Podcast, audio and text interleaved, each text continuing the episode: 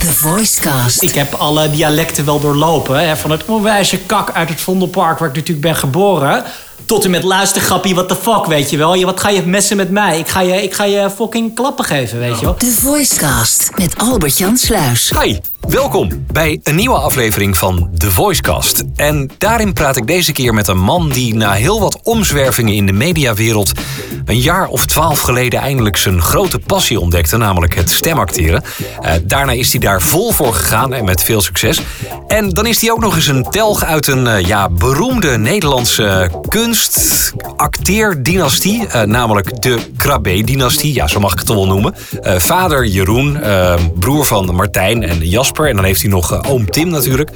Ik wens je heel veel plezier. The Voicecast. Voice-over en stemacteur Albert-Jan Sluis spreekt met collega's uit het vak. Deze keer Jacob Krabbe. Jacob, waar ken ik jouw stem van? Ehm, ja, Pringles, Klop een pak Pringles open en maak kans op een Polaroid Now camera. Nintendo Mario en Sonic op de Olympische Spelen Tokyo 2020 voor Nintendo Switch. en 7-Up. 7-Up Free. Heerlijke 7-Up smaak zonder suiker. Feels good to be free. En tegenwoordig HG en de koffiejongens. Dag, vette oven. Hé, hey, lekker kippetje. Ja, HG inderdaad. Dat, is, eh, nou, dat komt veel voorbij. Ja, HG is wel echt eh, flink aan het pushen nu. Hè? Dat, eh, die hebben een paar flights, zoals dat heet, met een stuk of drie commercials erin. En die gaan dan achter elkaar, ieder blok. Ja, dat is wel veel, hè? ja. Dat ik erin sprak en dat ik dacht, joh, het zal toch niet dat mijn collega's deze menu voor altijd eh, na, na eh, hoe zeg je dat? Eh, Nadragen. nadragen. Dat ze je vragen om schoonmaaktips. Ja, of dat ze zeggen, hé, hey, lekker kippetje, weet je wel? Oh ja, ja. ja, ja. Nee, maar zonder dolle, het kan echt tegen je gaan werken. En daarom moet je ook echt goed nadenken over dat soort dingen. voordat je dat doet. Nou, gelukkig is Air Force echt een hele fijne studio... waar ik het heel erg naar mijn zin heb... en waar zij gewoon ontzettend goed daarmee omgaan. Dus ik ben ze gewoon onwijs dankbaar. Want ik heb, nou, ik heb denk ik iets van acht vaste accounts of zo... maar drie daarvan lopen bij Air Force. Ah, oké. Dus het is echt wel mijn, voor mijn Ja, gevoel, mijn home, studio nummer twee, zeg maar. Ja, precies. En nou, het is gewoon een hele fijne club. En eh, nou, shout-out aan Air Force. eh. Eh, nu we het daar dan toch over hebben, want ik vraag me ineens af. stel nou dat het een jaar gelopen heeft en het loopt nou, heel goed. en ze zeggen van nou, we willen nog een jaar. Zou je dan na een jaar dat nog eens opnieuw gaan overwegen? Of verleng je het dan gewoon? Hoe bedoel je? Qua- Nou ja, je zou na een jaar ook kunnen denken van nou, het komt wel heel veel voorbij. En ik wil er ook niet helemaal eh, aan vastgeplakt worden. Dus eh, dat je eigenlijk vanuit jezelf zegt van zoek maar een andere stem. Ja, of de tarieven verhoogt ineens. eh. Ja, je kunt niet ineens dubbele gaan vragen natuurlijk. nee, nee. Ja, lastig. Dat hangt er vanaf. Dan moet je gewoon eerst kijken hoe zo'n jaar erg is- hypothetisch. hoe zo'n jaar is verlopen. Kijk, als het echt, nou ja, wat we al zeggen, net aan je kleeft en mensen vinden het irritant en je vindt het zelf irritant, ja, dan moet je ermee stoppen. Maar nu ben ik net nieuw daar en heb ik er zin in. En Nee, maar op zich vind ik het wel een interessante vraag. Van, zou er een situatie mogelijk kunnen zijn waarbij een stem op een gegeven moment zegt van, nou, nu vind ik het wel mooi geweest. ja, tuurlijk. Ja. Als je iets 10, 15 jaar lang doet, dan op een gegeven moment is het wel klaar. Ja. Kan ik me voorstellen, of niet. Ja, ik moet nu ineens denken aan de ge- gedeelde account die ik heb, Nintendo namelijk. Die doe ik met Boet en Thijs samen. Volgens mij doet Boet die al 20 jaar. En volgens mij zijn Thijs en ik, of in ieder geval... Ik, Thijs is dan Thijs van Aken? Ja, ja. ja, en in- ik ben er dan zes jaar geleden bij gekomen. Eh, ja, dat voelt wel echt een beetje eh, zo van onwennig. Van mag dit, kan dit? eh, hè? Wat vindt Boet ervan? Ik heb hem overigens niet gesproken daarover. Dus ik ben nog steeds wel benieuwd wat hij ervan vindt. Maar ja, ik, ik weet niet. Het kan ook heel mooi zijn om zo lang aan een merk vast te zitten. Dat je gewoon weet, ja, dat is gewoon die persoon. Ja. En dat voelt dan vertrouwd voor mensen. En dan weten ze van, ja, daar kunnen we van op aan. ja. Waarom is dat dan trouwens, dat zij drie verschillende stemmen hebben? Nou, ik geloof dat ze wilden verjongen. Dus dat ze wat jonge stemgeluid erbij... want Boet is natuurlijk vrij diep en eh, doorgewinterde, mooie, diepe basstem. En ja, ik klink natuurlijk super hoog. Ja, nee, ieder Dus geval dat een stuk is jonger, ja. Enthousiaster. Ja, en dat is een, denk ik wel een mooi contrast dan. Ja. En Thijs zit er misschien een beetje middenin. Ja. Dus dan hebben ze verschillende, eh, voor verschillende campagnes. Hè, voor Pokémon wil je een andere sound dan voor Mario. En nou ja, zo hebben ze natuurlijk allemaal verschillende karakters. die verschillende stemgeluiden eh, behoeven. Ja, maar dan is het voor de stemmen natuurlijk ook wel duidelijk. Als je elke keer moet afvragen van... goh, waarom vragen ze nu hem en eh, niet mij of zo, weet je. Maar nu Ja. weet je gewoon van, oh ja, dit is die campagne. Dus logisch dat ze mij bellen, ja. Ja, hij doet gewoon eh, volgens mij de, de, de Pokémon Watch. En, en ik doe dan Sonic, Mario en Sonic bijvoorbeeld. Ja, die mogen dan hoger. Ja. Nou, we drijven alweer een beetje af. Maar Ja, eh, ja. hoe ben je in het vak terechtgekomen? Ja, dan moeten we echt beginnen bij het begin, hè? Nou, toen ik vijf jaar oud was, toen mocht ik mijn eerste jingle inspreken. Dat was bij Martin de Waal en Jasper van het Bos. En dat me helemaal niks, Nee, weet je waarom? Dat zijn pseudoniemen voor Martijn en Jasper. KB. Ah, je broers. Precies. En die hadden een radiozender, een piraat. Die heette Acapulco. En dat werd uit de, eh, de studio de, in de tuin, het tuinhuis, uitgezonden in Oud-Zuid. Ja. En werd alleen maar ontvangen op stofzuigers in de buurt, weet je wel. En, een, en een, de, de odd radio in de buurt, zeg maar. En dan mocht ik zeggen... Dit is Martin de Waal met het ochtendkabaal. Of zoiets, weet je wel. Of dit is Jasper van het Bos met eh, het, circus van de hits... en hij is de clown, of zo. Echt van dat soort geintjes. Dus dat is denk ik mijn allereerste ervaring met eh, radio... of met een jingle inspreken. Ja, het zou nog elf jaar duren voordat ik eh, weer iets ging doen in de televisie. Ik ging gewoon eerst mijn HAVO halen en dat soort dingen. En toen ik daar vanaf kwam, toen heb ik productie, redactie, verslaggeving, itemregie, presenteren en acteren. Zelfs camerawerk gedaan. Echt heel veel. Te veel om op te noemen. Ik heb het nu wel gedaan. Maar ehm, ja, bij film en televisie werken, zeg maar. Even kort. En dat was eigenlijk wel een opstapje naar. Ja, ik wilde toch natuurlijk ook iets doen waar, waar ik vandaan kom. Hè? Want dat zijn allemaal acteurs en presentatoren en mensen die iets doen in die media. Ja, dat gaat dan toch kriebelen. Nou ja, en het, de drempel is ook heel laag, denk ik. Je, je Ja. bent snel vertrouwd met die wereld. Nou, je wordt dus als kind al voor die mic geduwd. Ja. Wat nu dus per ongeluk met Joep ook is gebeurd. Die heeft ook laatst zijn eerste... Zoon, ja. ja. mijn zoon heeft laatst ook zijn eerste commercial ingesproken... toen hij acht jaar oud was. En ik kan checken waar mijn vrienden zijn. Jij weet het al. Je ouders ook? Dus ja, dat is natuurlijk gewoon hartstikke mooi. Ik bedoel, je gaat ook soesjes bakken als je uit een banketbakkersfamilie komt. Want daar word je gewoon mee, mee besmet. Zit in je bloed. Ja, dat, dat, dat, dat krijg je als voorbeeld. Dus dat ga je dan proberen. En dat was ook voor mij... Ja, ik was, vond ik zelf best wel een goede producer. Maar ja, acteur, presentator... Ik wist het allemaal niet. Ik wilde het allemaal proberen. En ehm, wat je gewoon merkt is dat je wordt altijd vergeleken... met waar je vandaan komt. En dat is soms kan het een voordeel zijn, want je boekt bijvoorbeeld wel een auditie. Maar als je op de auditie staat, dan word je vergeleken met iemand die 40 jaar in het vak zit, 20 jaar in het vak zit, Ja. 10 jaar. Dat, dat, die vergelijking gaat gewoon niet op. En dat maakt het best lastig, want dat het maakt ook dat ik op een gegeven moment mezelf ook met hun ging vergelijken. Ja, en dan krijg je een soort minderwaardigheidscomplex, omdat ik ga niet in een James Bond film spelen. Ik ga ook niet de Voice of Holland presenteren. Maar ik wilde wel ook iets in die richting doen. Dus dat was een soort zoektocht langs allerlei ja, eh, functies eh, in, in die media- en entertainmentwereld. En dat ging best wel goed, tien jaar lang. En dan mocht ik af en toe mocht ik iets presenteren of ergens in acteren. Of misschien zelfs wel een stemmetje doen of wat dan ook. En ja, ik vond het allemaal wel interessant. Maar niets was echt dat ik dacht van ja, dit is het. Toen raakte ik een jaar werkeloos. Toen ik, ehm, ik denk dat dat 2007 was of zo. En ehm, toen was, zat ik echt met mijn hand in het haar. Van ja, shit, waar kunnen mensen mij nou voor boeken? Ja, ik kan dit, dat, zus, zo. Ik kan wel tien verschillende dingen. Maar alles soort van half. Of gewoon goed, maar niets echt heel goed. Dus ja, waar boek je Jacob voor? Ja, ik denk dan dat hij de beste producer is. Maar volgens mij presenteert hij ook en acteert hij ook. En ja, ik zag hem laatst ook eh, eh, vuilnisbakken legen, weet je wel, voor de, voor de film. Hè, in zo'n hesje heb ik ook nog gestaan. Locatieassistent en locatiemanager. Mensen rondgereden als runner. Waar boek je hem voor? Ja. Hij kan zelfs camerawerk Manusje van alles. een soort manisje van alles, ja. En toen was ik echt op een gegeven moment... zat ik er echt met mezelf in de knoop... dat ik dacht, ja shit man, wat moet ik nou? Wat kan ik nou? Nou, toen ben ik Hans Kemna heb ik gevraagd... de, bekende casting director. Zei ik, Hans, wat moet ik nou doen? Hij zei, kind, waarom ga je niet stemacteren? Dus hij gaf mij eigenlijk echt ja, het eerste advies om daar iets mee te gaan doen. En toen zei ik tegen hem, ja maar Hans, ik, je kan daar toch niet van leven, van je stem? Jawel hoor. Ik zei, oh, oké. Nou, als jij het zegt, dan geloof ik het wel. Toen zei hij, weet je, probeer gewoon... eh, gaf je me drie, eh, drie namen. Probeer die gewoon te benaderen. Niet via mij, maar doe het gewoon zelf. En kijk gewoon eh, wat dat oplevert. Krekels. Drie maanden lang stilte. Hè? De kre- krekels. Dus geen niks. Hè, dus, het werd, dus toen was ik echt nou, ten einde raad, zou ik maar zeggen. Nou, dan kan je altijd gaan stemacteren als je ten einde raad bent. Nee, dat is natuurlijk onzin. Ehm, ik wist het echt even niet meer. Totdat ik op een gegeven moment werd gebeld. Goh, wil je een commercial inspreken?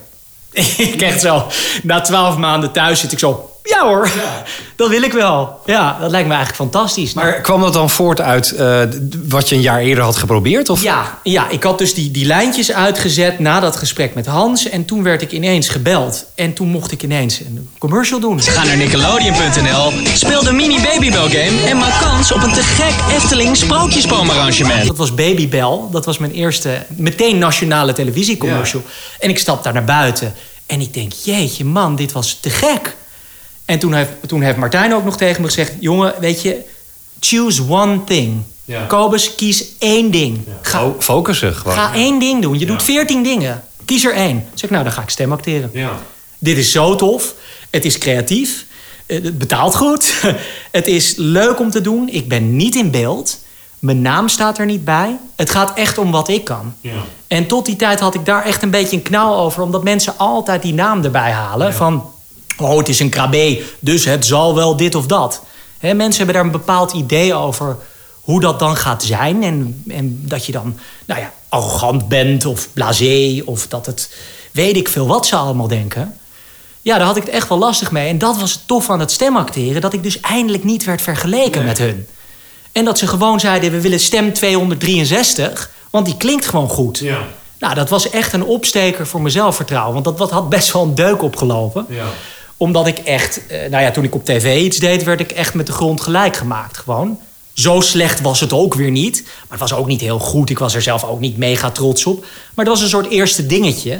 En als je Pietje de Vries had geheten... dan hadden mensen iets gehad van... nou ja, Pietje de Vries, ja, die staat een beetje te klooien op tv. Nou, zo wel. Maar nu een KB, oh jee. Jij lag onder een vergrootglas. Ja, natuurlijk. En, en dat deed echt pijn. Ik was toen 23 en dat, dat, kon, dat, dat vond ik gewoon... dat ik dacht, ja, ik kan dit nu wel gaan proberen... en dan 10, 20 jaar lang aan dat dode paard trekken totdat het staat... en dat je eindelijk een goed acteur bent of een goede presentator. Maar ja, presenteer ik dan The Voice of de... Hè, het gaat, nee. Ik, ik, dus, dus die vergelijking die is gewoon te pittig. Die moet je niet willen maken. Maar ben je daar nu dan nog mee bezig? Met, eh, nou ja, dat je misschien soms eh, je achternaam bewust niet vermeldt, of juist wel? Nee, ik ben er niet meer mee bezig, maar mensen zijn er nog wel heel erg mee bezig. Dus ik heb nog wel vrijwel, nou dagelijks niet, maar wekelijks wel dat mensen daar iets over willen zeggen. Of daar iets van Dat heb je waarschijnlijk al zodra je je naam noemt, toch? Want het is best wel een, een opvallende achternaam. Als je, als je vader nou Jans heet en jij ook, dan nou ja, begint niemand erover. Dan denk ze dat je van Chantal Jansen bent. Krijg je dat weer? Ja. Is het weer niet goed? Nee, dus het is niet, niet zielig. Het is ook heel bijzonder. En ik ben ook onwijs trots erop. Want het is ook iets wat gewoon fantastisch is. Maar ik ben wel gewoon Jacob. Ik doe echt mijn eigen ding. En ik heb echt mijn eigen ding kunnen maken van dat stemacteren. Dat heeft me echt gesterkt in het mezelf durven zijn. En dat is gewoon zo'n opsteker geweest. En juist dat niet die naam erbij staat. Juist dat stem 234a. Of eh, Al Albertus Janicus in jouw geval. Of eh, zo'n soort naam dat je wel weet om wie het gaat, maar niet helemaal. Ja, dat is gewoon tof. Want dan denk ik, het gaat dan om de kwaliteit en niet om de naam. Maar heb je nog wel profijt? En dan bedoel ik niet zozeer eh, dat je misschien geboekt wordt omdat eh, je die achternaam hebt, maar meer dat je bijvoorbeeld met je vader of met je broers kan sparren over dit werk. Want eh, ze doen natuurlijk wel ander werk, maar er zijn wel heel veel raakvlakken. Ja, dat doe ik eigenlijk niet. Ik doe eigenlijk echt mijn eigen ding. Met dat acteren en presenteren deed ik dat wel. Omdat ik het heel belangrijk vond wat zij ervan vonden. En dat dat klopte en dat dat goed was. En nu vaar ik eigenlijk echt op mijn eigen kompas. Want je zegt wel, het is, het is ander werk, maar eh, er is natuurlijk ook nog wel heel veel overeenkomst. Eh, want het is voor een deel ook acteren. Het is voor een deel ook nog wel presenteren. Het is een soort perfecte niche eigenlijk. Want het zit tussen alles in. Maar het is niet met je kopie op tv. Het is niet die bekendheid die echt wel ook een keerzijde heeft. Die ik echt heb mogen meemaken van dichtbij. Waar, waar ik gewoon geen behoefte aan heb, omdat ik daar ja, te gevoelig voor ben. Gewoon. Ik vind dat niet prettig. Ik wil niet elke dag leuk hoeven zijn en anders een lul als je naar de Albert Heijn loopt of zo. Ik zeg maar wat. Hè, dat, dat, dat is zo snel. Gaat dat een eigen leven leiden? Lijkt je daarin misschien op je broer Jasper ook? Nou, die, is ook, die heeft ook zijn eigen televisieprogramma's. Hè? Dus die is ook tegenwoordig bekender. Ja. Als schilder, beeld, beeldend kunstenaar. En eh, hij wordt in die hoedanigheid bijvoorbeeld bij de Wereld Draait Door gevraagd. Hij heeft zijn eigen programma. Hè? eh, Het geheim van de meester en de blauwe hond, als ik het goed zeg. En ehm, ja, dat, dat, daar doet hij zijn eigen ding. En dat gaat over kunst. Ja. Ja, dat lijkt dan ook wel weer op wat Jeroen Ja, maar doet. daarom bedoel ik ook van, het, het, het lijkt wel alsof hij ook eh, meer een eigen pad heeft gekozen. Ja, maar inderdaad ook wel in die kunstenaarsfamilie. Ja. Want Jeroen is van nature ook een schilder, een kunstschilder. Die ho- toneelschool is gaan doen. Ja. Dus het is eigenlijk een schilder die acteert. Hè, wij komen uit een, uit een lineage van allemaal... eh, eh, ja, hoe zeg je dat in het Nederlands? Ja. Dan zeg ik lineage, maar... ja een familielijn of een... Ja, exact. Van, van Stamboom. Een stamboom van allemaal schilders. Dus het waren allemaal kunstenaars. Ja. Ja, eigenlijk is, is Dat het... creatieve, dat zit er bij iedereen wel in. Nou ja, inderdaad. En kijk, wat mij betreft zit ik dan nu in een soort plek waarin het perfect is. Omdat het, ik kan wel mijn creatieve eieren kwijt. Mensen horen me wel, miljoenen soms zelfs. En, en, en eh, niemand weet dat ik het ben. Nee, en dat ja. vind ik eigenlijk wel heel tof. Ja, dat vind ik eigenlijk heel goed voorstellen. Ja, dat geeft een soort kick. Eh, omdat dat niet. Het is niet. Ik doe, ik doe het niet om tof te zijn of zo. Ik Nee. doe het echt omdat het. Ja, ik probeer dan gewoon met mijn woorden, zeg maar, iemand eh, via zijn oor in zijn hart te raken, Ja. eigenlijk. Zo zou je het kunnen zeggen. Nou ja, je doet eigenlijk hetzelfde als je broer Martijn. Alleen eh, zijn kop ziet iedereen en Ja. jouw hoofd niet. Nou ja, ik probeer verhalen te vertellen die mensen raken. Zelfs in, een- in een stomme, wil ik zeggen, commercial. Maar zelfs in een, in een commercial die dan wat, wat platter kan zijn of zo. Maar dat je wel denkt, het moet iets hebben waardoor mensen het horen en denken... Shit, ik ben geraakt hierdoor. Ik moet dit horen gewoon. Ik wil dit weten. En dat is dan misschien met een product, eh, ja, is dat anders. Maar Ik, als ik het hoor, dan denk ik van het klinkt wel een beetje hoogdravend voor. Als je het hebt over eh, bijvoorbeeld de commercial voor eh, Nintendo. Ja, maar het moet wel een geloofwaardigheid hebben. Ja. En dat is voor mij is dat echt een soort noodzaak. En daarom zeg ik het zo hoogdravend misschien, omdat het. Ik wil echt mensen raken, ook al is het voor, voor een product.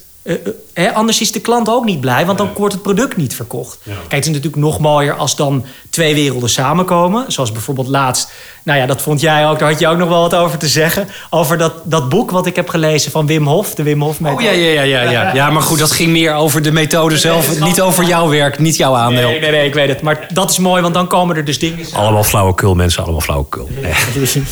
Dank je, Albert-Jan. Nou, ik vind het heel prettig om te doen. Ik doe het in mijn privé. eh, Spring ik in, in koude meren en doe ik, doe ik van die ademhalingsoefeningen omdat ik dat prettig vind. Nou, in dat boek wordt dat dan op een bepaalde manier ook beschreven dat dat dan nou ja, wetenschappelijk bewezen is. Daar valt over te twisten. Maar eh, ik geloof daar wel in. Alleen het mooie is dat dan twee werelden samenkomen. Dus ik kan en mijn professionele stem gebruiken, maar ik kan ook mijn privé eh, laten mixen daarmee. Omdat het iets is waar ik Kwam dat dan bij, toeval bij jou terecht? Of? ja, bij toeval. Ja. Grappig. Ja, via Koen van Huigenvoort. Die ken je ook wel. Die heb je, heb je geïnterviewd. gesproken voor de, deze Ja. podcast. Ja, dus, dus dan is het mooi, want dan komen twee werelden samen. En dan kan je inderdaad echt zeggen van... goh, ik heb nu echt mensen geraakt met iets wat ik geloof en waar ik voor sta. Maar ik vind eigenlijk dat het dat altijd moet hebben. Ook bij een webvideo, ook bij een, bij een schoonmaakproduct, ook bij een game.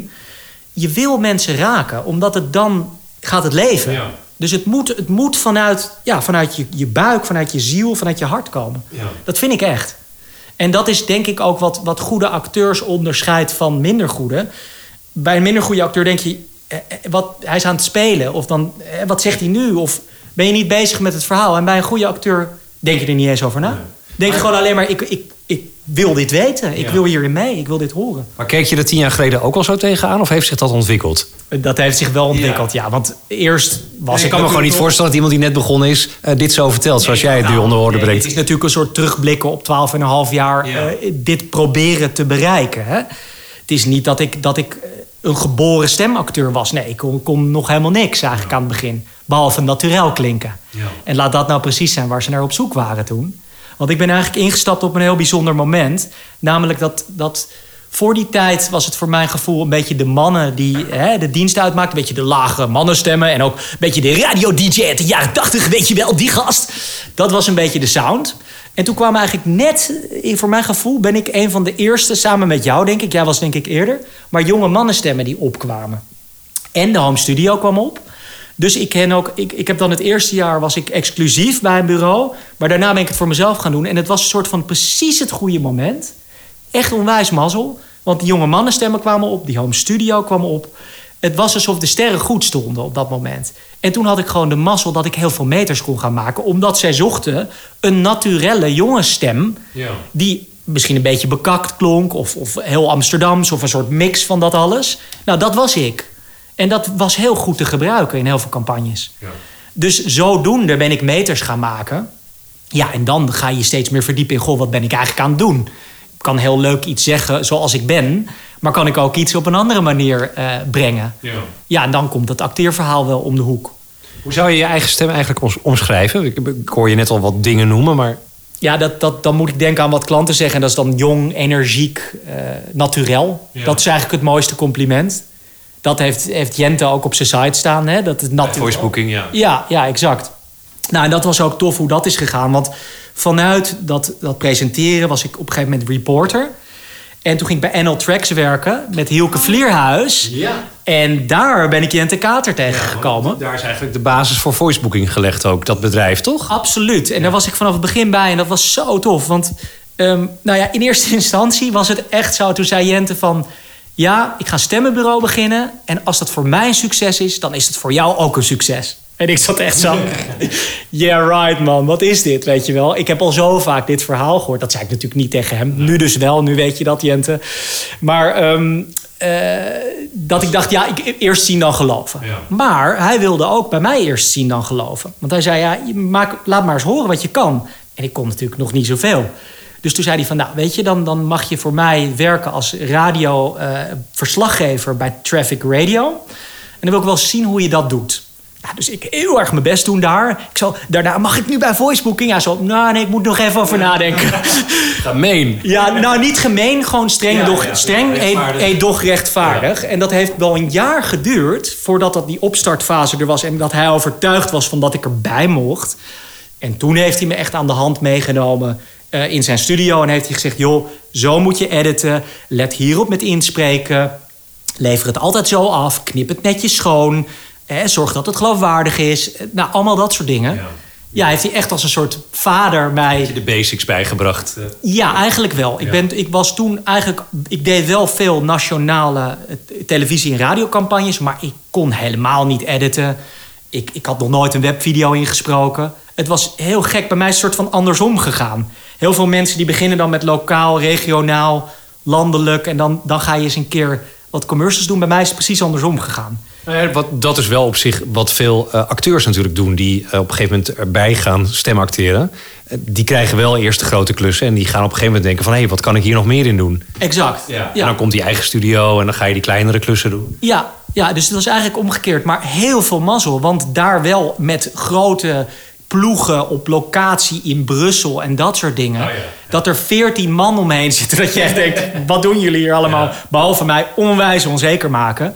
Want ik, ja, ik zit hier gewoon, ik weet niet wat ik moet doen. Overigens heeft die spot de gouden lookie, eh, of de lode lookie gewonnen. Welke was Dat dat? kwam niet door mij, Spacitron was dat. Ja. En dat was, ja, dat was vooral omdat die koppie, die was gewoon niet zo lekker. Oké. Dat was een hele flauwe kopie. En toen was het spotje, niet het spotje waar ik in zat, maar waar collega's in zaten. Dat heeft toen de Lode Lookie gewonnen. Dus wel mijn campagne. Maar dat ik ook dacht, ja, ik begrijp het ook wel. Want we staan daar met die, met die stomme kopie in, dat, in, in die on, onnatuurlijke situatie met al die mensen eromheen. Ja, dat kan gewoon eens gedoemd te mislukken, weet je wel. Ja. Dus ja, ik heb, ik heb nog mijn meters mogen maken in een wat relaxtere periode eigenlijk. Ja. En dat is echt mazzel. Je had het net over, ik kwam een beetje op eh, op het moment dat eh, jonge mannenstemmen eh, heel erg populair werden. Ja. Ehm, ja, dat soort ontwikkelingen heb je natuurlijk altijd in de stemmenwereld. Je hoort nog steeds wel jonge mannen. Eh, bijvoorbeeld de stem van KPN is, eh, klinkt heel jong en, en fris. Maar eh, ik heb de indruk dat de laatste jaren bijvoorbeeld er een switch is naar meer vrouwenstemmen. Ja. bijvoorbeeld in de autoreclames, die vroeger bijna alleen door mannen werden gedaan.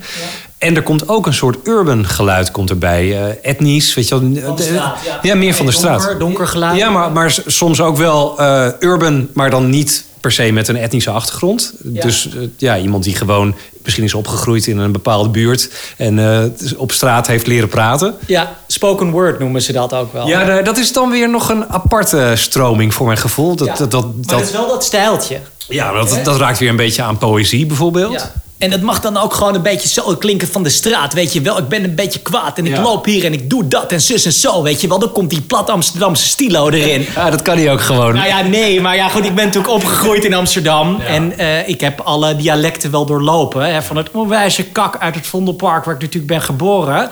Tot en met luistergrappie, what the fuck, weet je wel. Je, wat ga je messen met mij? Ik ga je, ik ga je fucking klappen geven, weet je wel. Ja, al die gradaties daarin. Dat, dat- het is alsof dat nu mainstream is geworden. Dat was toen gewoon de taal van de straat. Maar eh, kijk, het gaat met golfbewegingen en, en eh, kun je daar dan nog in mee? Want jij bent inmiddels ook niet meer een hele jonge stem, toch? Dat was heel grappig. Dat zei Jente laatst ook. Van toen ik jou en Joost erbij nam bij Voicebooking, Joost Burger. Toen eh, waren jullie nog jonge stemmen. En nu zijn jullie gewoon, weet je. Ik ben een vader, ik heb kinderen. Maar ik klink natuurlijk nog steeds alsof ik tussen de 15 en de 35 ben. Ja. Ja, maar het gaat natuurlijk heel geleidelijk. Eh, de- over tien jaar eh, klinkt je stem eh, echt niet meer als toen je twintig was. Nou, weet ik niet. Ik denk niet, verandert een stem zo erg? Ja, als je veel check rookt en whisky drinkt. Maar Ja, het gaat zo geleidelijk dat je het eigenlijk niet heel erg door hebt. Maar als je op televisie bijvoorbeeld ineens een oud fragment ziet van... eh, nou ja, stel jouw vader of zo, van toen hij eh, 30 was. dan, is het toch, lachen. dan is het toch echt een verschil. Ja, nou toen was er ook echt zo die hele correcte manier van spreken. Die moest ook in het... eh, hè? Dat, dat, dat je echt dat terugkijkt en denkt... joh, dit, dit kan niet, hoe jullie praten. Dat was toen de standaard, de norm. Ja, exact. Dan was je een goed acteur als je gewoon heel correct ABN sprak.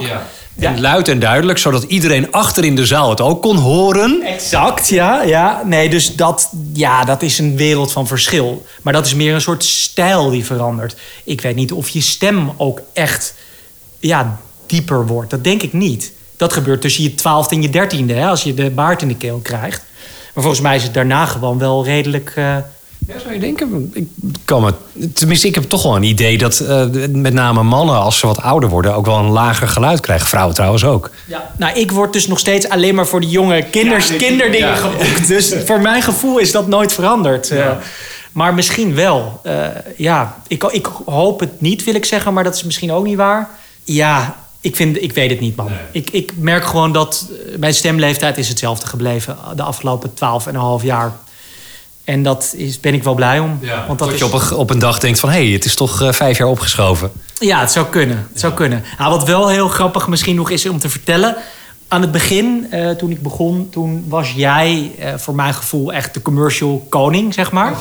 Ja, ik hoorde je overal voorbij komen en je was soort van de gedoodverfde concurrent. Althans, dat dacht ik. Omdat mensen de hele tijd iets hadden van ja.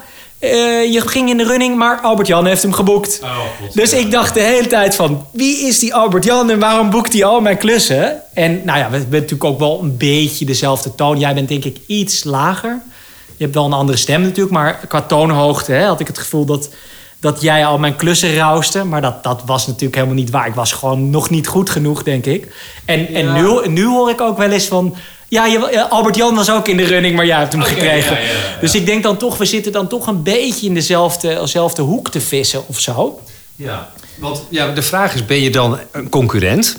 Eh, of zit je inderdaad toevallig in dezelfde categorie, maar Ja, pakken ze dan uiteindelijk toch degene die het, het beste bij de klus past? Want Ja. je bent sowieso niet hetzelfde. Dus Nee. er- wordt een keuze gemaakt. En die ja, wordt niet zozeer gemaakt op basis van kwaliteit... of dat de een beter is dan de ander. Maar ja, wie past er Ja. eh, beter? Nee, zeker. Maar dan zou ik dus verschillende stemmen boeken... om te kijken wat, wat doet een, een andere stem ermee. Ja. Ze zoeken echt in die hoek.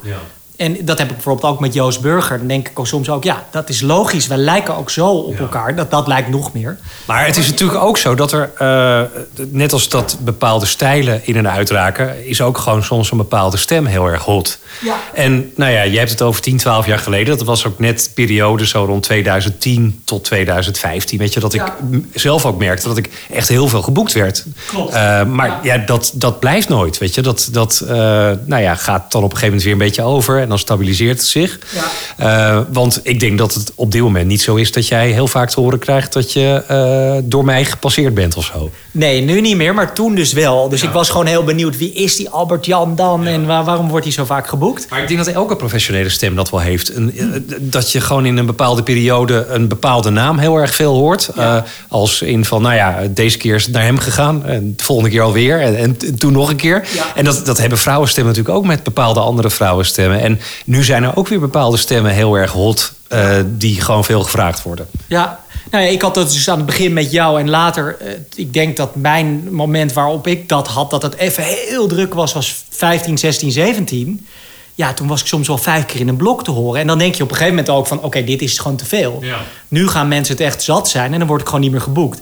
Nou, dat bleek ook, want toen 18, 19, 20 zakte het weer een beetje in. En eigenlijk, nou ja, sinds halverwege vorig jaar of eind vorig jaar gaat het ineens weer helemaal de lucht in.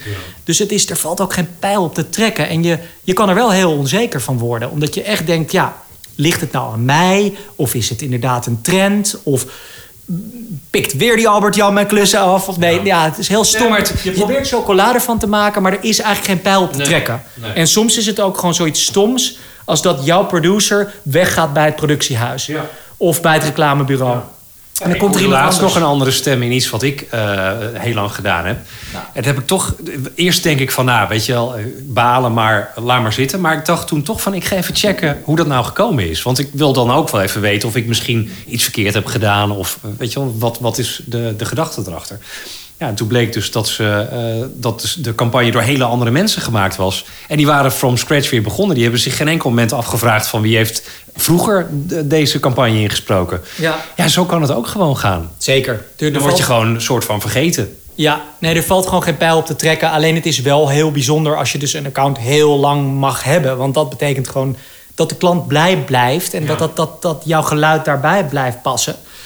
Maar ja, dingen switchen gewoon de hele tijd. Vind je dat? Want ik, ik, ik eh, begin daar inmiddels een beetje overheen te, te groeien, merk ik. Eh, maar ik kon me daar vroeger wel heel druk om maken. Het, het maakt je, eh, je zei het net ook al een beetje, soms ook wel onzeker. Ja. Is wel, ik vind dat wel een minpunt van dit werk. Ja, alleen wat gewoon, denk ik, at the end of the day de graadmeter is... is of er gewoon elke dag of elke week nog een klusje binnen blijft komen. Ja. Dan weet je gewoon van, joh, eh, het loopt. Soms, nou ja, met dat covid gebeuren is het natuurlijk... was het bij mij echt even helemaal stil. Ja, nou ja, Zelfs één, twee of drie maanden... Nou, dat heb ik echt niet meer meegemaakt sinds het begin. Dat je soms één maand niks hoorde. Dat je echt dacht, oh jee, ik moet ander werk gaan zoeken. Nou, dat gevoel had ik vorig jaar echt. Ja, en daar schrok ik echt van. Omdat ik dacht, dit ben ik toch voorbij. Ja. Ik ben nu ook nou ja, volwassen man en een vader en ik heb een gezin. En het is ook serieus. Het betekent iets als je geen inkomen hebt. Want ja, je wil voor je kinderen zorgen. Ja, die hypotheek moet ook betaald worden. Je moet boodschappen doen. Ja, man. En ehm, ja, dat, dat, dat is wel heavy, ja. Het is zo onzeker. Maar dit was ook een situatie die, ja, weet je wel, dit, dit- daar valt niks aan te doen. Weet je wel, daar valt gewoon niet tegen op te werken. Nee, dit had niemand kunnen voorzien. En ik denk ook dat iedereen last heeft ervan heeft gehad. En sommige mensen echt 100% omzetverlies. Ja. De horeca en entertainment. En vrienden van mij die DJ zijn of eh, Ja. evenementen organiseren. Of een, of een kroeg hebben. Ja, dat is verschrikkelijk. Ja. Die zijn gewoon alle inkomsten een jaar lang kwijt. Ja. Nou, dat kan je helemaal niet voorstellen. Dus ik ben al lang blij dat er überhaupt nog gewoon een, een redelijk salaris binnenkwam. Ja, dan mag je jezelf echt gelukkig prijzen. Maar heb je, heb je voor jezelf ook nog een soort backup plan? Eh, want ik, ik heb af en toe wel eens gedacht... eh, eh, ik heb overigens nog nooit echt op het punt gestaan... dat ik dacht van ik moet nu iets anders. Maar ik heb wel af en toe de de- denk van ja, wil ik dit over tien jaar nog wel doen? Eh, Of, of misschien heb ik over tien jaar geen werk meer. Eh, wat, wat, zal ik dan eens gaan doen? Weet je? Want ik heb zelfs eens gedacht van misschien moet ik geschiedenisles gaan geven op de middelbare school. Of eh, ja, in het buitenland een, een bed and breakfast beginnen bijvoorbeeld. Dat zijn van die wilde ideeën die dan voorbij komen. Maar heb, heb jij voor jezelf zo'n soort plan van nou ja, als het ooit nog eens helemaal misloopt, dan kan ik dit gaan doen? Of... Ja, ik merk wel, eh, ik, ik bewandel het pad van de bewuste ontwikkeling, zeg maar. Ik ben veel met, met bezig met meditatie en eh, dat soort dingen. Je gaat yogales geven. Nou, nee, maar ik zou het bijvoorbeeld wel zien zitten om een retreat center in Portugal eh, op te zetten. Maar dan wil ik eerst mijn eigen processen afgerond hebben en mijn eigen zoektocht daarin. Maar als je op een gegeven moment dan op een punt komt dat je dat hebt, waar ik volgens mij redelijk dicht in de buurt zit. Hè, met, met gewoon je weten wie je bent, waar je voor staat, en waar je hart voor klopt, zeg maar. ja, dan kan je anderen daar ook in gaan helpen. En het is heel grappig, want op de een of andere manier, ik had altijd iets van ja, ik werd vanaf jaar drie al gevraagd: Goh, wil je mensen gaan coachen? Ik zei, nou nee, ik, ik kom net zelf, ik moet zelf nog gecoacht worden. Trouwens, een hele goede coaching gehad van Tuffy en Hilari is nog wel even leuk om te melden. maar, ook. Ja, Goed, ja, ja. nou, dat, dat, dat wilde ik toch even zeggen. Ook nog een shout-out. Maar ehm, gek genoeg dient nu die vraag zich weer aan. Best wel vaak ook. En een jaar geleden heb ik gewoon bedacht van... weet je, ik ga gewoon eerst eens gewoon met een vriendin van mij... Chivonne de Jong. Dat is, vind ik zelf, een hele goede actrice. En die wilde ook wel stem acteren. Dat ik denk, ja, weet je, ik ga haar gewoon eerst coachen. Gratis. En gewoon kijken wat er gebeurt. Vet hè? Ja, dat is echt gaaf. Hey, en waar kan ik die smartwatch kopen dan? Check alle Garmin Instinct watches op garmin.com. Nou, en zij boekt nu klussen en ze is gewoon eh, een up-and-coming stem. Dus ik ben zo trots op haar en ik vind dat zo leuk. En ik merk daar ook aan dat ik het zelf ook heel leuk vind om iemand te begeleiden in zo'n traject. Dus toen heb ik laatst voor het eerst mijn eerste betalende coachie aangenomen. En dat is zo tof, want eigenlijk gaan daar de twee werelden een beetje in elkaar over. Dus alles wat ik heb geleerd op het pad van de zoektocht naar mezelf, kan ik toepassen op het coachen van een stem. Omdat, eh, ja, daar zitten onzekerheden bij. Daar zitten, wie ben ik zit daarbij? Wat is mijn identiteit? Eh, hoe kan ik mezelf laten horen?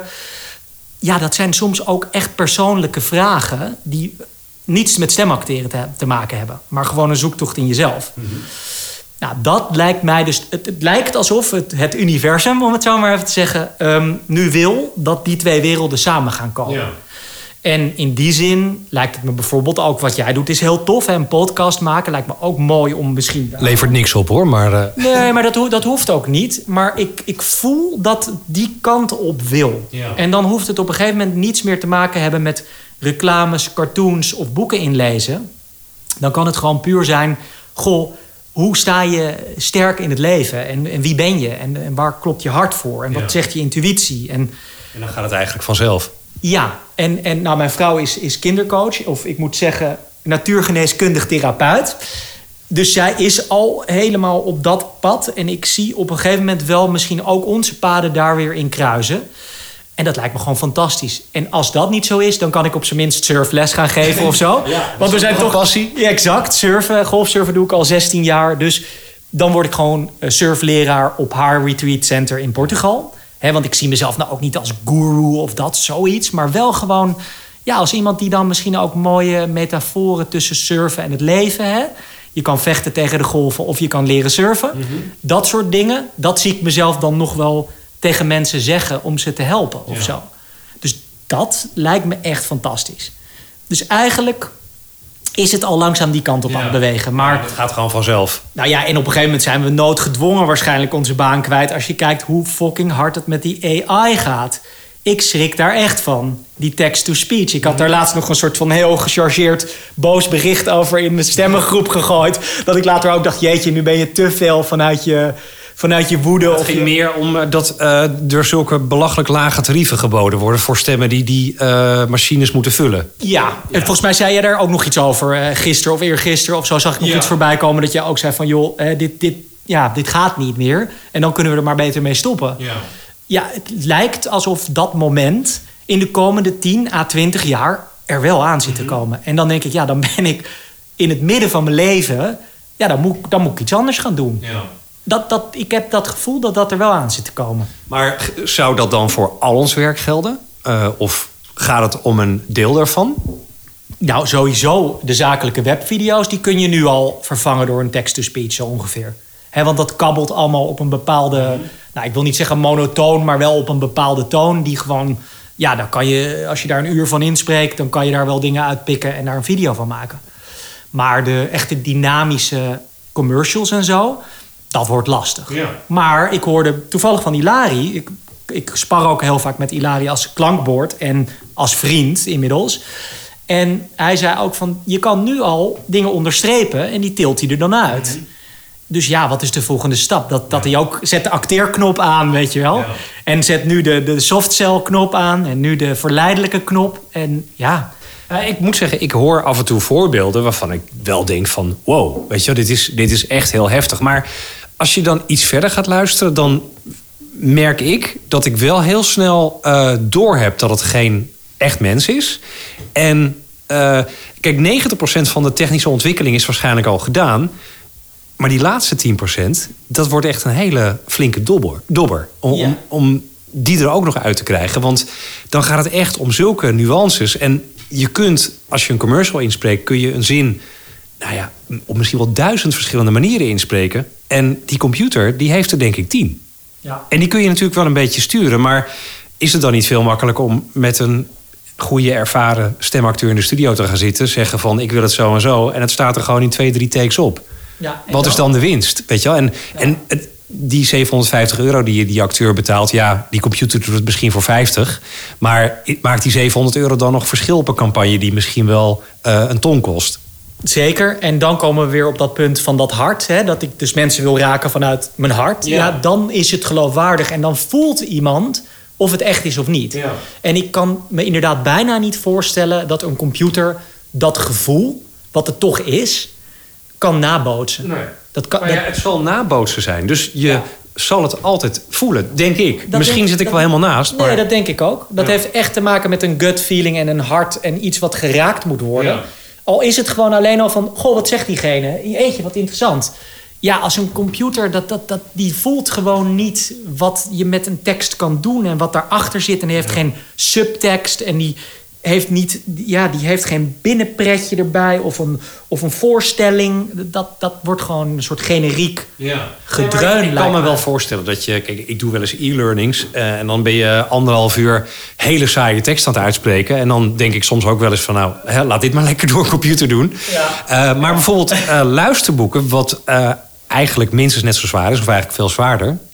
daar zie ik ook de computer nog niet zo 1, 2, 3 de boel overnemen. Want als je het over een roman hebt, dan denk ik dat een mens uh, dat altijd veel beter kan overbrengen dan een computer. Ja, alleen wat wel zo is met boeken, is dat het wel lekker is als het de hele tijd een beetje hetzelfde klinkt. Je moet niet te veel uitschieters hebben, want dan heb je de. Hè, als je niet dezelfde toon aanhoudt en je komt zeven keer inlezen drie uur lang.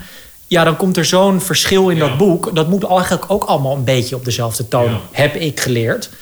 Ja, ik, dus het valt mij altijd op, want ik doe zelf nooit luisterboeken. Ik denk dat ik daar niet, gewoon niet voor, eh, geschikt voor ben. Maar uh, uh, als ik ze hoor, dan hoor ik wel heel vaak stemmen op een bepaalde uh, hele vlakke manier praten. Zonder intonatie. En, en, dat moet je er dan misschien als lezer zelf maar een beetje uithalen. Ehm, maar daarvan vind ik het gevaar juist dat als je het op die manier gaat doen, dat op een gegeven moment wel uh, misschien verleidelijk wordt om het juist door aan een computer over te laten. Moet je niet dan, als je die boeken inspreekt, ook iets meer geven als mens? Nou, ik, ik kan zeg maar niet niet geven. Ik geef vaak te veel en dan moeten mensen me omlaag krijgen. Omdat ik heel veel energie heb en ja, gewoon een soort... Ah, weet je wel? Dus die zeggen altijd minder, minder, minder, minder. Ehm, dus ik probeer bij een boek echt nou, op, op de een soort van de baseline te komen van wie ik ben. En dan misschien zelfs nog iets daaronder. Maar wat ik wel doe is bijvoorbeeld als er een vrouw aan het woord is dan ga ik ietsje hoger praten. Oh, en bij een man ga ik ietsje lager zitten. Zodat er wel iets van verschil is tussen hoe dat wordt uitgesproken. En dat je op zijn minst weet: goh, er is een vrouw of een man aan het woord. En nog steeds vind ik wel, ik ben er wel met mijn bewustzijn bij de hele tijd. En ik, ik voel wel de hele tijd wat, wat er gebeurt. Ja. Dus ik, ik, ik leef wel mee. En dat hoor je natuurlijk wel in je stem, denk ik dan. Ja. Dus, dus ja, een, een, computer is er gewoon niet bij met zijn, met zijn bewustzijn. Nou, wat een, een, ander aspect is, ik kom in de teksten die ik inspreek, en dat zal jij waarschijnlijk kunnen beamen, kom ik zoveel fouten tegen. Uh, letters omgedraaid, uh, woorden overgeslagen, uh, ja, interpunctie die sowieso ontbreekt of helemaal verkeerd gebruikt wordt, zinnen die aan elkaar worden geplakt. En ik ga daar dan soms onderuit, dan moet ik even opnieuw beginnen en dan corrigeer ik het. Maar ja, die computer, wat moet die ermee? Ja, onduidelijk. Nee, ik herken totaal wat je zegt. Uh, je bent soms zelf de copywriter ook. En, en dan denk je echt, wat is het voor draak van tekst? Nou, ik pas wel even wat dingetjes aan en dan klinkt het wat lekkerder. Maar ja, geen idee hoe een computer dat moet doen. Ik merk wel dat ik zelf soms ook woorden hussel. Ik ben namelijk ook een beetje dyslectisch. Wat helemaal handig is als je voice-over bent. Maar uh, dan krijg ik het terug en dan zegt ze... Goh, wat een leuke suggestie heb je gedaan daar. Deed je dat expres? Of ik zo, ja. maar nee, gewoon per ongeluk omgedraaid. En dan, ja, soms, soms... Ja, maar dat doen we allemaal wel, denk ik. Nou, ik, ik doe het wel net iets te vaak. Dat het wel een beetje gaat opvallen. Ja. Dus dat is wel iets... Vaak als, ik, als het mijn geduld een beetje op is, dan gebeurt dat. En dan ben je er dus niet meer bij en dan ga, ja, dan ga je fouten maken. Ja. Ja. dat is heel slecht, maar dat is ook menselijk. Ja. En dat gaat een computer natuurlijk nooit doen. Nee. Nee, maar dan, dan is het dus perfect, maar wel allemaal binnen een bepaalde eh, ja, dynamiek. Ja. Het tekent allemaal binnen een bepaald lijntje. Ja. Het zal geen uitschieters hebben. En dat maakt het wel menselijk. En dat maakt het denk ik prettiger om te luisteren. Ja. En kijk, die technologie is misschien wel leuk voor van die deepfakes. eh, waarbij je president Trump eh, ineens li- niet laat liegen. of eh, weet je wel, dat je, dat je nou, in ieder geval beroemde mensen eh, allerlei dingen laat zeggen. Dat is leuk. Maar eh, een, een neutrale stem eh, met een computer. Ja, ik, ik, ik moet het echt nog zien, zeg maar. Ik, eh, ik zie wel mogelijkheden, maar zeker niet alles. Nee, maar ik denk dan wel altijd video killed the radio store. En iets ver- vervangt steeds het andere. Dus hè, eerst was een cassette, toen kwam er een cd, toen kwam er een download, nu wordt het gestreamd. Het, het evolueert wel. Ja, maar daar gaat het om een soort drager. Ja. Kijk, of mensen maakt het niet uit of een film nou op een videobandje of op een eh, cd'tje of via streaming komt. Ze willen die film zien. Ja.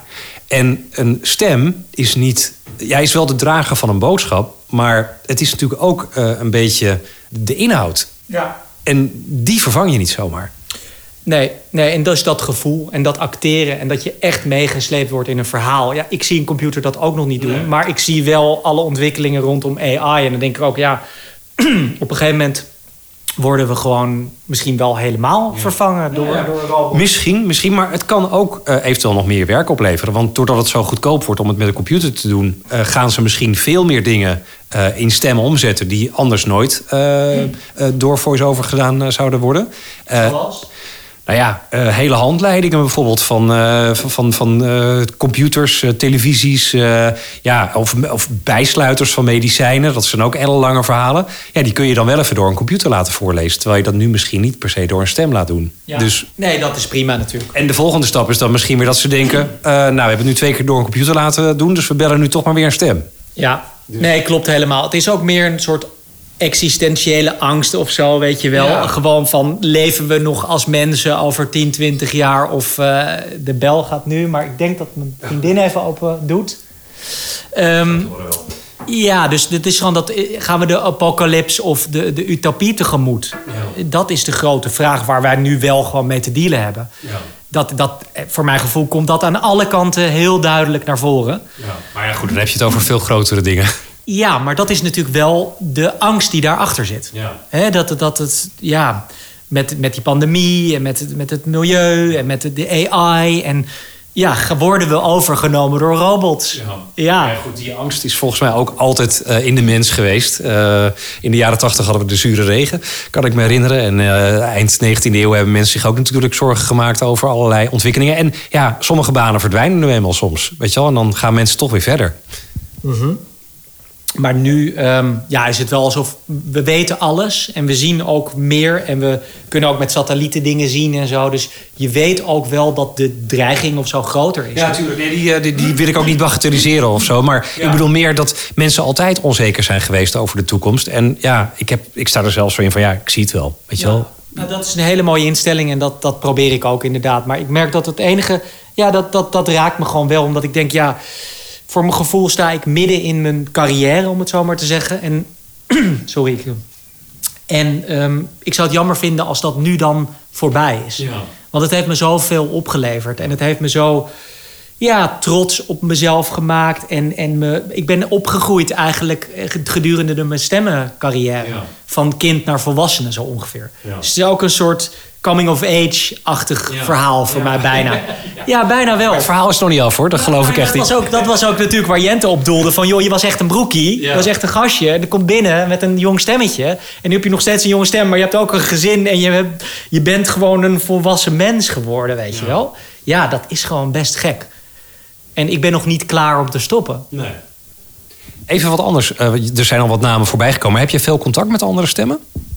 Ilari noemde je al. Nou ja, zelfs met jou wel eens. Ik, ja, ik, ik heb echt wel... eh, ik, ik app regelmatig met stemmen. Ik overleg met stemmen. Ik meld me dan wat minder vaak op de fora en zo. Maar ja, ik overleg zeker. Vind je het een leuke wereld eigenlijk qua eh, mensen? Ja, ik vind dat ze allemaal iets geks hebben. Dat vind ik leuk. Dat het allemaal toch een soort outcast zijn of zo. Die heel erg hun eigen ding doen. Dat, dat vind ik er leuk aan. De meeste althans.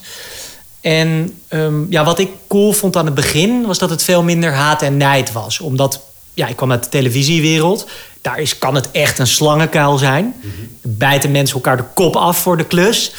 En dat merkte ik bij de stemmenwereld helemaal niet. Ik werd echt met open armen ontvangen. En ik vond het echt een soort warm bad. En het kabbelde en het was prettig.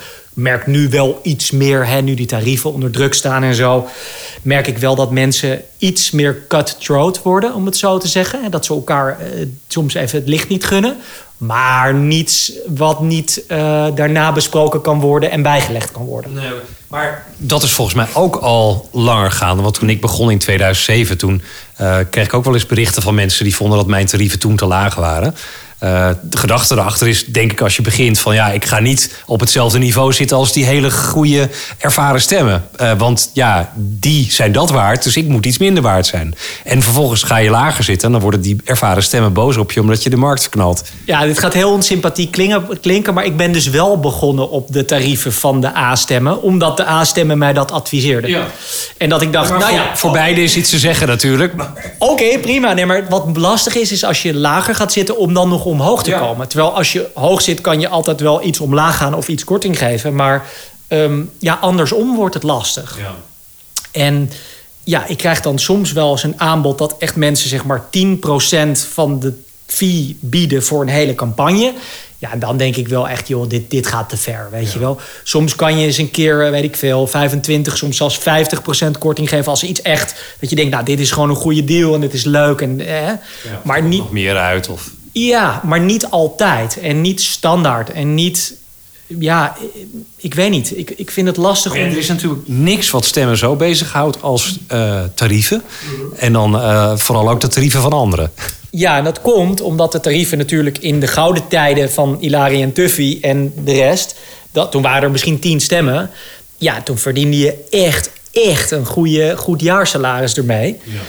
En dat is natuurlijk steeds minder geworden. En hoe meer stemmen er komen, hoe meer aanbod er is, hoe, hoe meer die tarieven onder druk lijken te staan. Hoewel ik heb zelf de indruk dat de afgelopen twaalf jaar de tarieven redelijk gelijk zijn gebleven. En de, de rumoer ontstaat uh, als er een keer iemand ineens heel erg onder gaat zitten. Maar ja, daar is iedereen dan even boos over. En dan hoor je ze er ook niet meer over. Weet je, dan... eh, voor mijn gevoel zijn ze wel gehalveerd sinds ik het doe. Okay. Dus twaalf en half jaar geleden.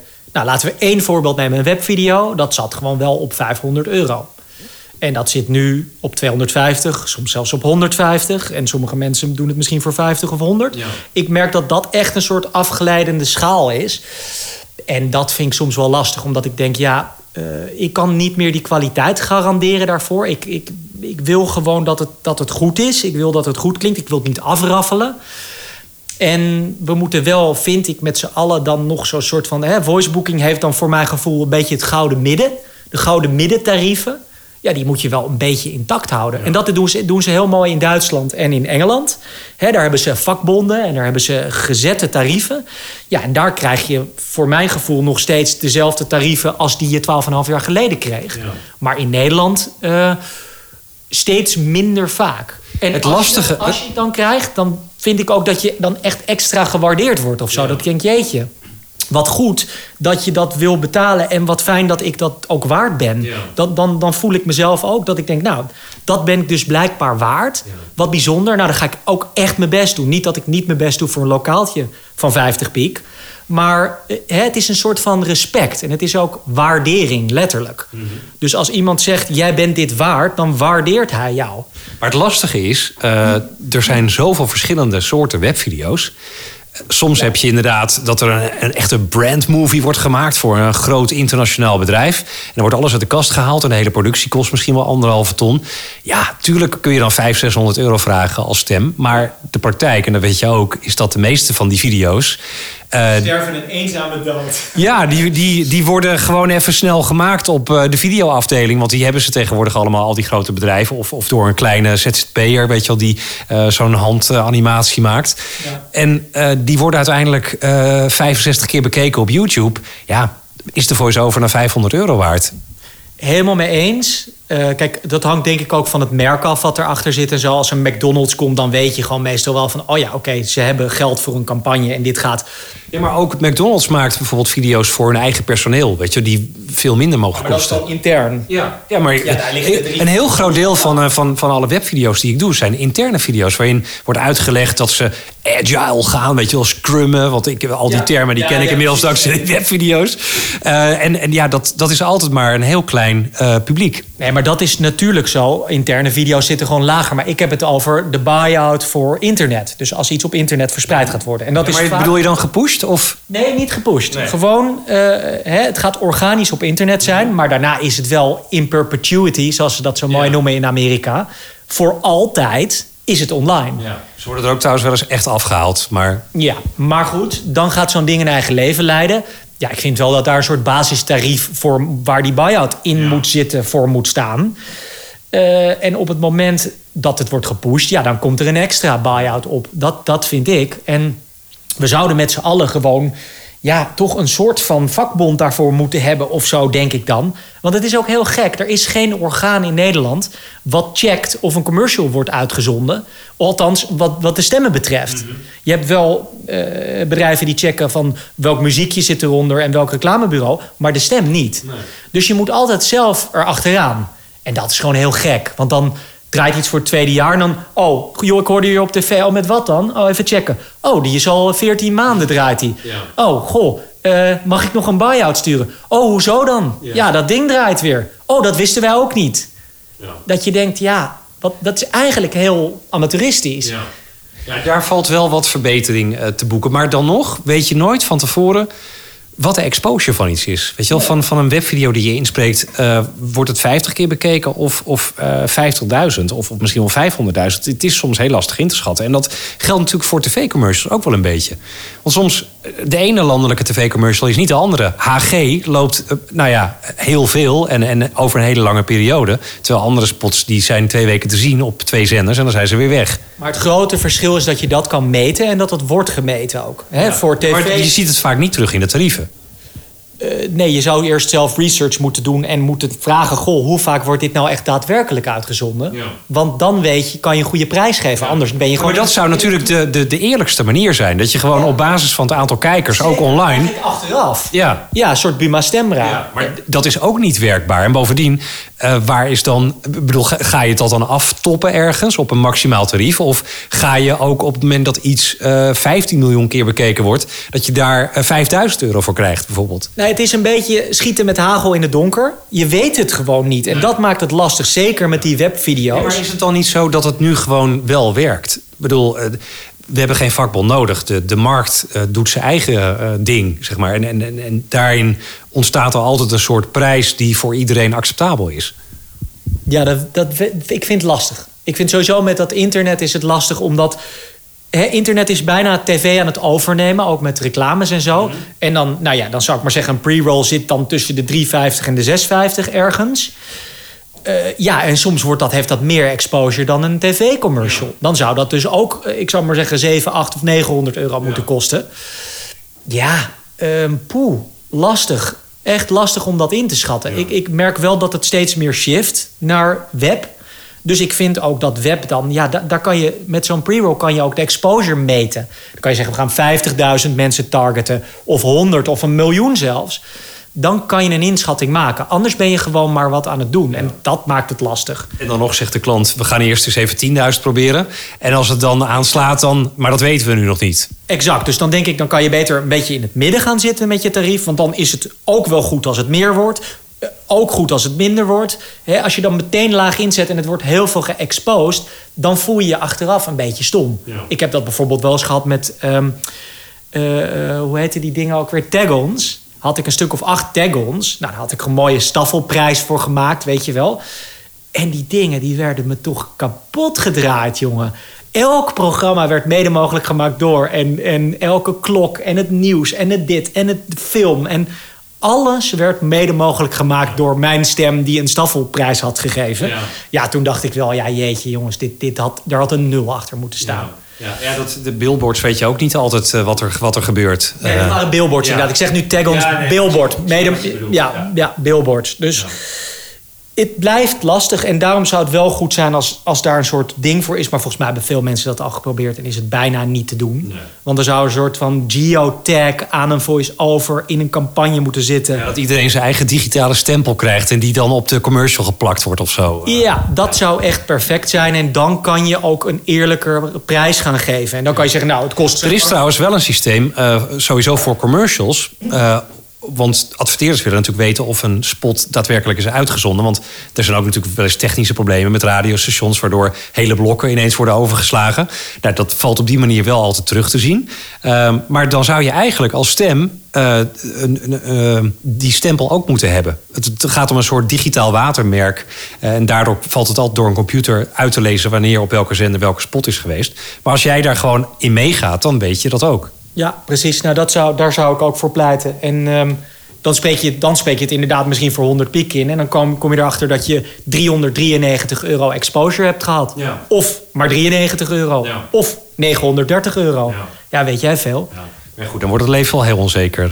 hey, we, gaan een, eh, we gaan een spelletje doen. Ja, maar luister, dat is Oh, wacht, toch niet. Één- nee, nog één ding. Dat is hetzelfde als met royalties voor eh, tekenfilms. Die komen gewoon netjes altijd naarmate hoe vaak jouw aflevering is uitgezonden. Ja.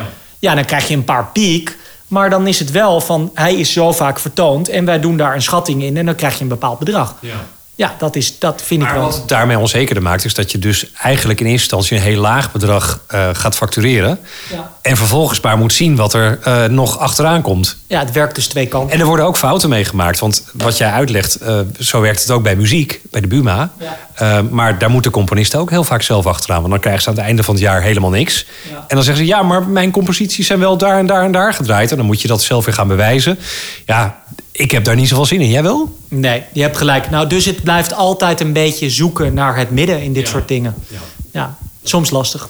Nou, dan gaan we toch al spelletje doen. Herken de stem. Herken de stem. Herken de stem. Ik laat je een aantal fragmenten horen. En eh, de vraag is, wie is het? Eh, en in dit geval bij de eerste, wie zijn het? Ook wij hebben gekozen voor een bril van iLove. Ja, gewoon bij onze eigen drogist. Daar meten ze gratis en nauwkeurig je sterkte. We konden kiezen uit meer dan 175 modellen. En u betaalt maar 99 euro voor een multifocale bril. Ook bij u in de buurt. I love, I love, I love. Heb je die campagne wel eens gezien trouwens?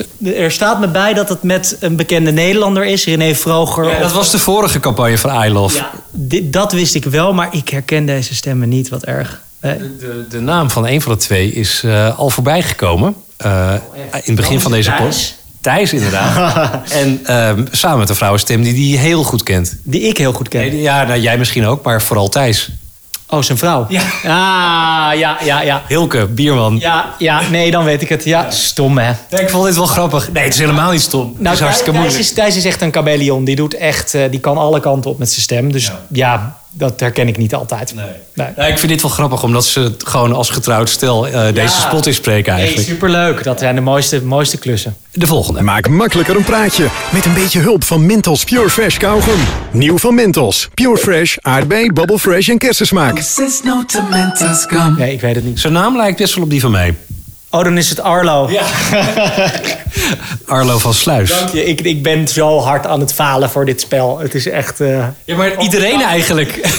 Jank, je hebt echt goede uitgekozen. Want ik zit normaal echt, jongen, achter elkaar. Elk blok noem ik alle namen. Mijn vrouw wordt helemaal gek. Die zegt, hou nu op hiermee. Dit spelletje, dit, ik wil dit niet spelen. Maar nu wil ik het niet meer spelen, omdat ik het niet weet. nou, Nee. het geeft helemaal niks. Hopelijk weet ik er één. Nou, misschien deze. De dagen worden kouder. Toch ziet Auping er de voordelen wel van in. Zo wordt het nog lekkerder om heerlijk in uw warme bed te liggen. Nee, ik weet het ook niet. Esther Gast. Oh ja, nee, dat, dat, dat wist ik niet. Nou, die eh, hoor je wel veel, maar ik heb haar volgens mij nog nooit ontmoet. Zal ik er nog één één voor de bonus doen die je zeker weten wel weet? Ik ga ondertussen lullen voor spullen. Nieuwe stijl. Want ik heb een flink boodschappenlijstje van Patricia meegekregen. Ja, mijn broer. Martijn, ja, die overigens ook een hele goede voice-over is.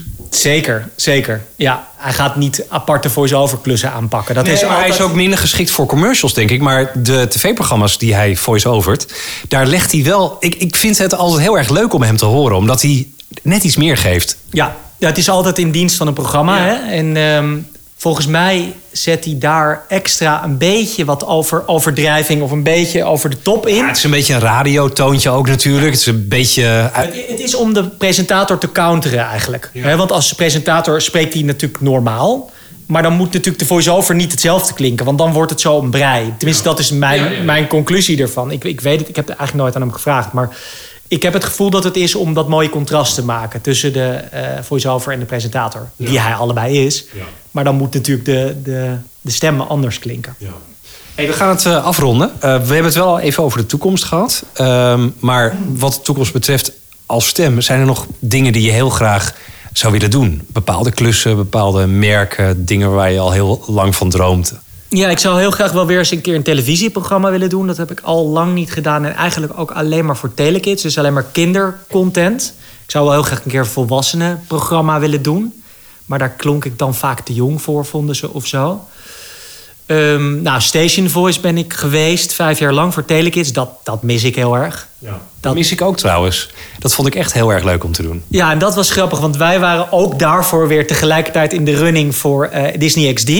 En toen kreeg ik te horen dat ik de tweede keus was en jij de eerste. En daarna was ik de eerste keus. Bij Telekids. Ja. ja. dus daar heb ik geen auditie voor gedaan. Maar... Nee, het gekke was dat wij toen allebei tegelijk ook een kinderzender gingen doen. En ehm, ja, de- ik heb het gevoel dat onze levens altijd soort van parallel naast elkaar... Ja, we komen elkaar wel tegen af en toe. Ja. ja. en af en toe kruisen. Dat vind ik gewoon heel grappig. En, ehm, maar daar heb ik met zoveel plezier gezeten, joh. Daar kon je ook alles proberen. En gekke stemmetjes. En het maakte niet uit.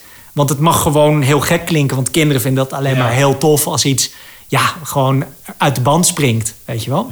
Ik ben ook heel lang de stem van Eurosport geweest. En dat vond ik ook fantastisch om te doen. Maar daar was eigenlijk elke promo hetzelfde. En de tone of voice was in elke promo hetzelfde. Maar bij Disney, je hebt het dan over Telekids... maar het zal een beetje op hetzelfde neerkomen.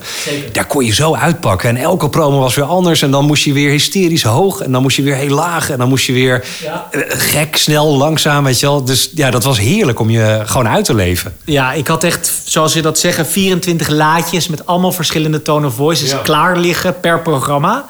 En dan wist ik, oh ja, dit wordt. eh, hè, de, de troetelbeertjes die klinken natuurlijk anders dan de Transformers of weet ik veel wat. Nou, Transformers waren er trouwens niet. Nu denk ik weer aan jouw account. Maar ik Ik ook niet meer trouwens. Tenminste, heel lang niet gedaan. Hè, brandweerman Sam klinkt weer anders dan eh, de Efteling bijvoorbeeld. Ja, Dat, ja, dus dat is gewoon heel tof. Dat zijn de leukste klussen waar je alle kanten op kan. En dat mis ik ook wel een beetje. Ik was aan het begin ook wel vaak met de cartoons en zo bezig. Dat is eigenlijk al jaren op een laag pitje. Ik had dan nog wel één, één show, Zavari heette dat. Dat werd dan op, toevallig op Telekids uitgezonden. Maar dat is ook alweer een jaar geleden of zo. Ja. ja, maar misschien is het soms ook gewoon dat bepaalde eh, facetten van ons vak eh, je wat minder liggen. En, en dan probeer je het misschien even, maar dan later laat je het toch weer vallen en dan ga je gewoon weer door. Nee, voor mijn gevoel ligt dat me wel heel erg. Omdat ik Oh, he- oké. heel erg hou van dat uitpakken en dat uitbundigen. En juist dat overacting soms. Ja, dat, dat mag je bij die cartoons echt doen. En dat is gewoon heel tof. Ja. Ja, dat, dat, dat zou ik ook wel weer wat vaker willen doen. Ja. Thanks man. Jo, jij ook. The Voicecast met Albert-Jan Sluis. Wauw, wat een eh, leuk, ontspannen en openhartig gesprek. Dankjewel, Jacob. Eh, ik wil nog heel even terugkomen op het eh, voorbeeldje van Jacob's zoon eh, Joep. Een spotje voor Rebel Cactus. En het grappige is, mijn eigen dochter Emily zit daar ook in. Dus los van elkaar, dat, dat wisten we niet, zitten onze beide kinderen dus in dat spotje. Hier is een heel klein stukje er nog van. En met de Rebel Cactus ben je altijd bereikbaar. Mam, nu even niet hoor. Benno, Benno, Benno. Nee! Nou ja, bijna altijd dan, hè? Ha, dan kan ik eindelijk alleen naar school. En ik kan met mijn vriendinnen naar de voetbal fietsen. Nou, grappig toch? Eh, kruisen onze paden zich weer.